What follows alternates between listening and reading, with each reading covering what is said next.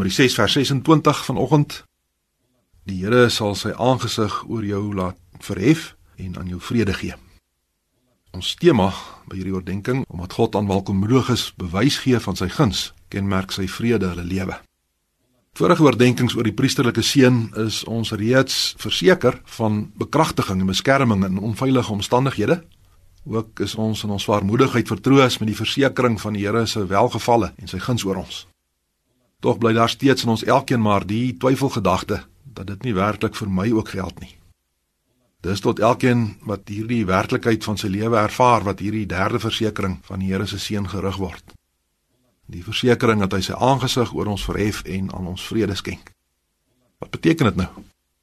Sy aangesig verhef of oplig gaan oor erkenning.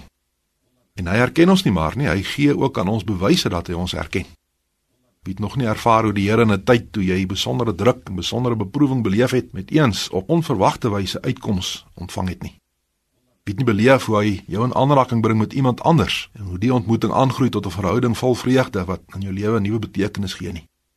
Bewyse dat hy ons raak sien en erken. En nou het hierdie besef dat die Here wel sy aangesig oor ons laat skyn meer tot gevolg as net innerlike sekerheid.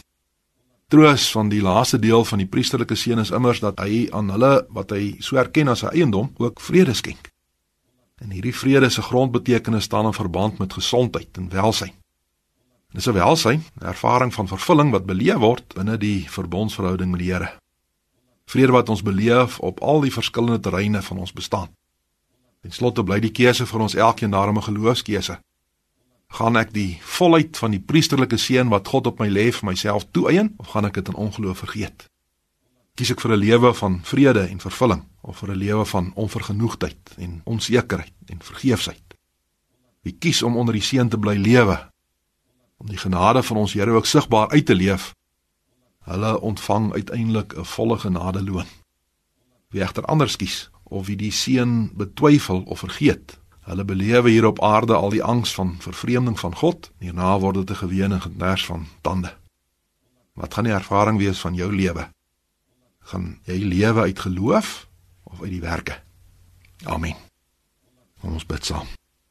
Ons Vader wat in die hemel is, ons dankie vir hierdie vrede wat U werklikheid maak in ons lewe. Vrede wat U aan ons skenk in U seun. Vrede wat mense verstand te bowe gaan.